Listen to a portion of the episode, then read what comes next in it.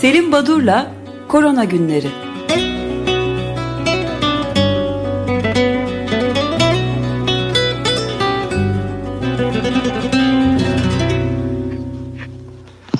Merhaba Selim Bey, günaydın.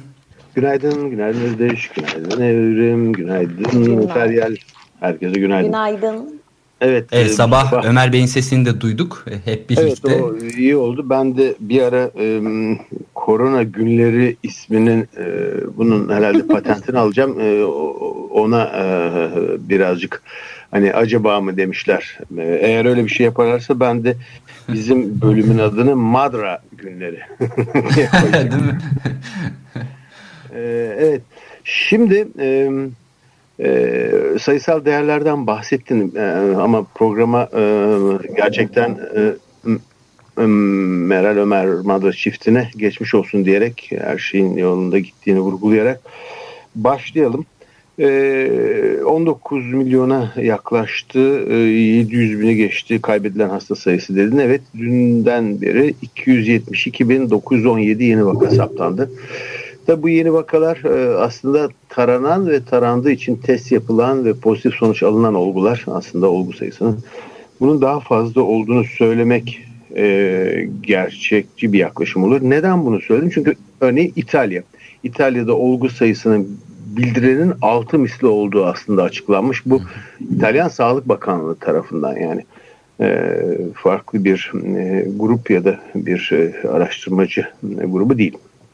Şimdi ilginç olan Türkiye'deki e, dün sayısal değerlerin bakanlık tarafından açılan, e, açıklanan değerleri e, değindiniz Deş ama ben daha da e, bir adım öteye götüreceğim. E, bir süre önce yine buradan verilerden bahsetmiştim. Promet sitesi. Dünya Sağlık Örgütü'nün bir yan kuruluşu gibi çalışan bir site Promet. E, e, dün gece saat tam olarak saati de çıktı kenarda onun için e, bunu söyledim.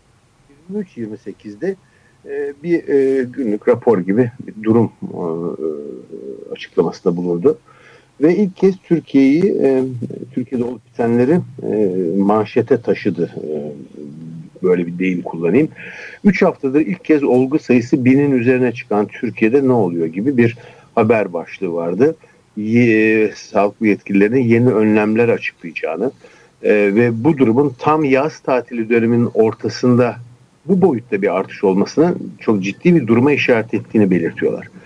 Ee, ve Türkiye'de hekimlerin testlerinin azlığından, Haziran'da, Haziran başında önlemlerin gevşetilmesinden ve ekonomik kaygılarla ülkeye turist çekmek için çok büyük çaba içine girdiğini politikacıların bunlardan şikayet ettiklerini belirtiliyor bu raporda. Ee, önlemlerin daha iyi anlatılması e, anlatılması gerekli diyorlar ve artışlar yüzde altılar gibi çok yüksek bir orana erişti diyorlar. Şimdi bütün bunlar e, aslında ülkemizde olup bitenlere biraz daha ciddi yaklaşılmasını hem e, yetkililer hem de toplum tarafından daha ciddi yaklaşılmasının gerekli kılmakta.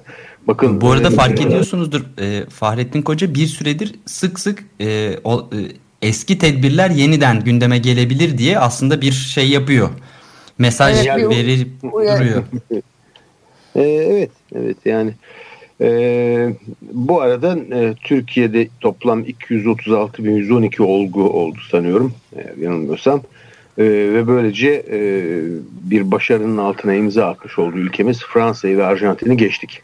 Yani e, Nisan ayında Mayıs ayında birazcık ironik bir şekilde Batı e, e, sağlık sistemi çöküyor diye Fransa'da olup bitenlere gülümseyenler olmuştu e, merak etmesinler. Biz e, geçtik ve e, ülkemizdeki sağlık kuruluşlarının yoğunluğunu hani bir rapor ya da bir resmi açıklamayla değil ama meslektaşlarımızdan duyuyoruz. Şimdi ülkelerde olup bitenlere bakınca bu Türkiye'deki gelişmeler sadece ülkemize özgü değil. Örneğin Yunanistan birkaç ülkenin son bir haftadaki olgu sayısındaki artış yüzdelerini vereceğim. Yunanistan'da bir haftada ne kadar artış olmuş biliyor musunuz? Bana çok ürkütücü geldi. Yüzde 137. Çok ciddi bir oran. Evet. Polonya'da yüzde 35, Fransa'da yüzde 29.9 ki Fransa Mayıs ayından beri en yüksek olguyu bildirdi dün.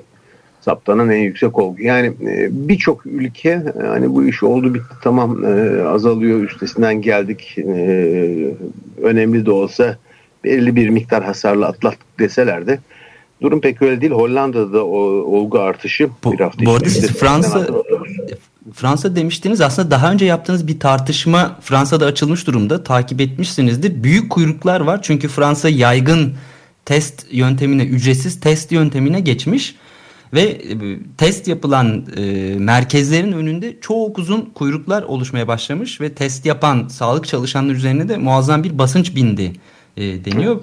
Bununla birlikte de bir haftada tabii 576 bin e, test yapılmış.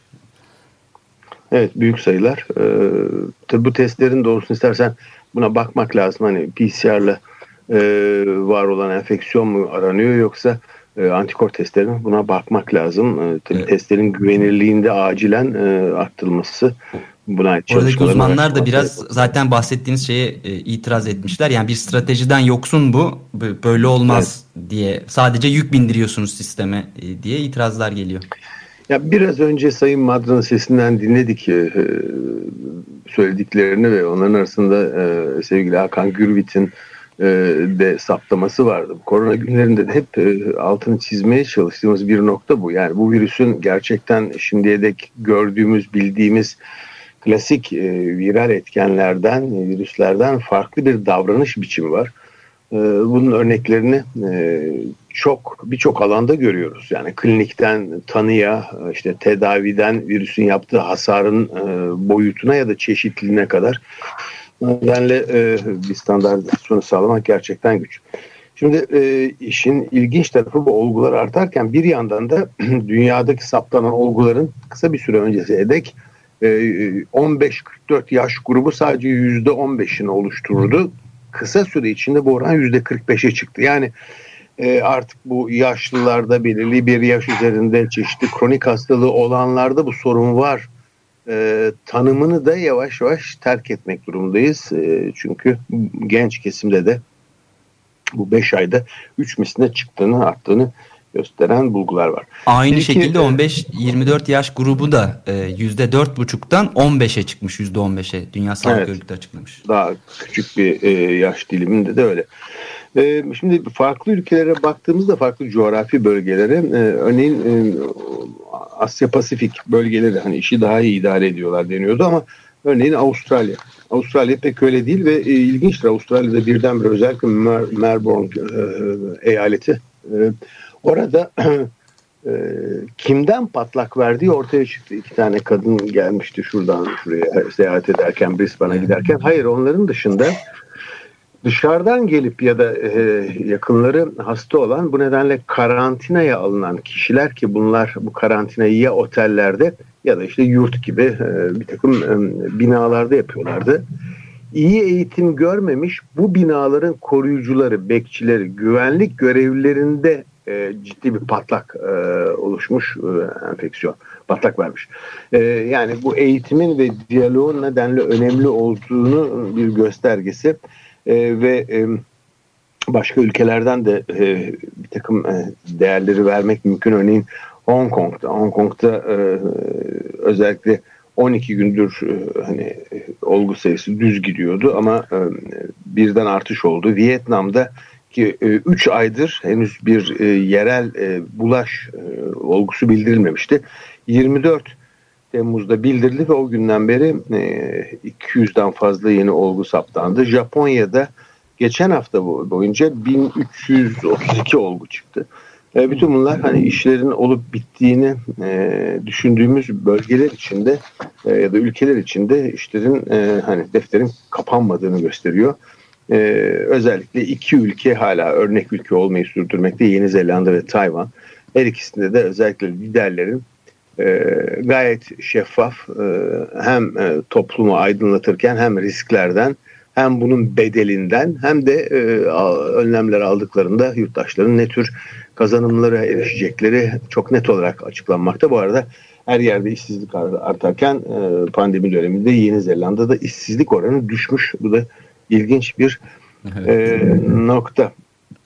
Şimdi son bir bilgi de yine yani bilimsel çalışmaya değinmeden önce Ee, siz de değinirsiniz Brezilya ve Amazon e, bölgesi, Güney Amazon bölgesindeki yerli toplumun lideri Aritana Yavalapiti e, Covid-19 nedeniyle yaşamını yitirmiş e, ve e, kendisi hipertansiyon hastası olan bir lider ama e, e, Brezilya Amazonlarının e, kurtarılması, onların e, hani özen gösterilmesi, e, yıkıma uğramaması için çok çaba sarf eden bir lidermiş ve o toplulukta e, ciddi bir e, üzüntüye e, neden olmuş. Bu önemli bir bilgi geldi. Bir liderin e, yaşamını yitirmesi. E, pandemiyle mücadelede e, bu One Health tek sağlık e, kavramının önemi e, özellikle son 2020 yılında yaşadığımız bu salgın sırasında daha iyi anlaşıldı. Sadece e, insan sağlığıyla ilgilenen e, hekimler değil, veterinerler, çevre bilimcileri, sosyologlar e, ve, ve araştırıcıların bir arada çalışması, işbirliği yapmasının gereği daha iyi anlaşılıyor. Unutmayalım ki böyle bir yazı çıktı. İnsan patojenlerinin yani insanda bulaşıcı hastalıklara, enfeksiyon hastalıklarına yol açan etkenlerin %75'i hayvanlardan bulaşıyor. %75'i zoonoz, dörtte üçünü biz hayvanlardan alıyoruz. Bu nedenle e, işin kökenine inmeye de e, veterinerlere e, ve onlarla işbirliğine büyük ihtiyaç var. Şimdi son günlerde hep üzerine durulan bir nokta hani iyileşen olgularda da bazen öksürük, yorgunluk, solunum güçlüğü gibi bir takım şikayetlerin uzun süre devam ettiğiyle ilintili. O zaman bilim insanları ilk kez böyle bir virüs için yani solunum yolu enfeksiyonlarına yol açan grip, soğuk algınlığı gibi etkenlere baktığımızda onlardan farklı olarak acaba bu e, virüs persistan kronik enfeksiyon oluşturuyor mu ya da latent kalıyor mu? Şimdi bu iki kavrama e, kısaca değinmek istiyorum. E, nedir bu e, kronik ya da persistan dediğimiz direnen bir viral enfeksiyon? E, özellikle bu tür e, virüsler e, immün sistemin e, ayrıcalıklı bölgelerine, immün ya da bağışık yanıt açısından ayrıcalıklı bölgelere gidip yerleşenlerdir ve orada aylarca yıllarca yaşarlar. Nedir bu immün sistemin ya da bağışıklık, bağışık yanıtın ayrıcalıklı bölgeleri vücutta? Örneğin, örneğin sinir sistemimiz, örneğin gözler. E, bütün bu bölgelerde herhangi bir inflamasyon olup oraya beyne ya da göze zarar oluşmaması için buradaki immün yanıtın hani daha az olduğu, buradaki immün sistemle ilgili, bağışıklık sistemiyle ilgili hücrelerin donanımın daha zayıf olduğu bilinir. Böylece buralar hem immün yanıtın meydana getireceği olumsuzluklardan kendini korumuş olurlar. Hem de bir şekilde hani fiziksel özelliklerinden buraya bir virüsün, bir bakterinin gidip yerleşmesi de zordur ama elbette e, menenjit olgularında olduğu gibi, e, ensefalit olgularında olduğu gibi buraya da virüsler gidebilir. Şimdi e, acaba virüs bu tarz bir bölgeyle e, iletisi var mı? Yani persistent infeksiyon için e, gidip e, bu tip e, immün ayrıcalıklı bölgelere mi yerleşiyor sorusu geliyor akla. Persistent infeksiyonda bu tip e, uzun soluklu kronik olgularda virüs bir yerde durur ve orada e, sinsi sinsi çoğalmaya devam eder. Bir de latent enfeksiyonlar var. Uykuda olduğu virüsün. Örneğin bunu uçuk virüsünde, herpes virüsünde görüyoruz ya da e, HIV AIDS etkeninde görüyoruz e, işin başlangıcında. Bu kez virüs o sinsi sinsi çoğalmayı da yapmaz. Uykuda durur, çoğalmaz ama herhangi bir e, dönemde örneğin e, uçuk e, virüsü söz konusu olduğunda bir yorgunluk, aşırı sıcak, e, menstruasyon dönemi gibi dönemlerde uçuk şeklinde ortaya çıkar herpes virüsler. Şimdi bu durumda o zaman acaba herpes virüslere, retrovirüslere benziyor mu? Bunlar gibi bir özelliği var mı? Bugün artık net olarak biliyoruz ki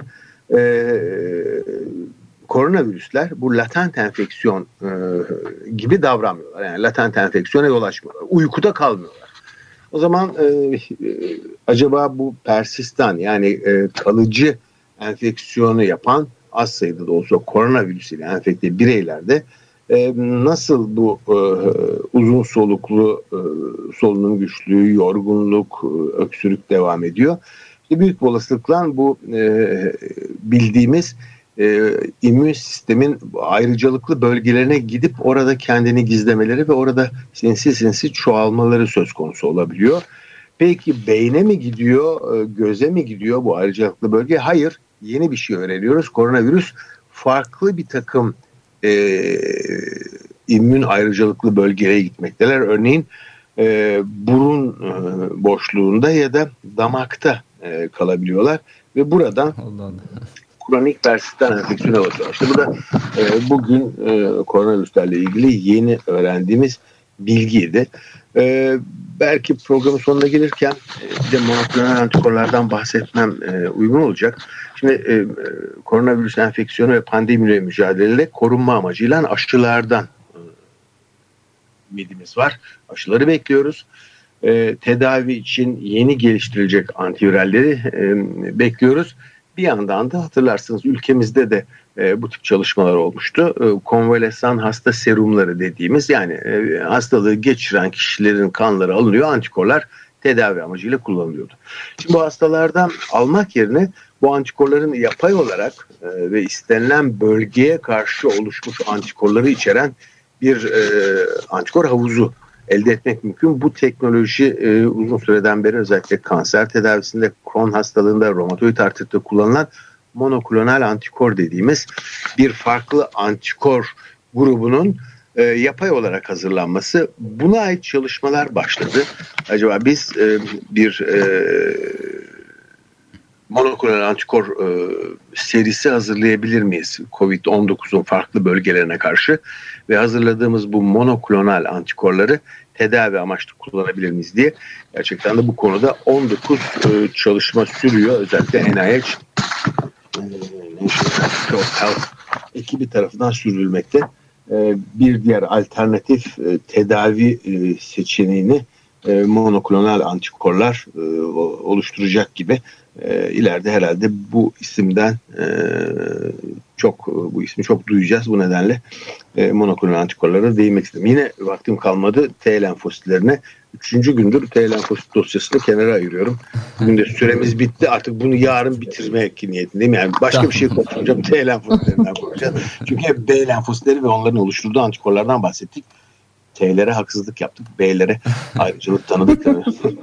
bu nedenle ben burada durayım size iyi yayınlar dileyim. Yarın görüşmek üzere. Peki çok teşekkür ederiz. Görüşmek üzere. Teşekkür, teşekkür ederim. Sağ olun. Teşekkürler. Sağ olun. Teşekkürler.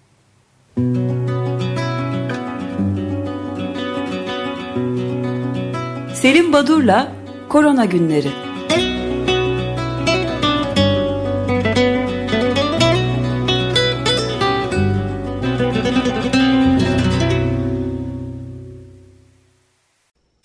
Radyo program destekçisi olun.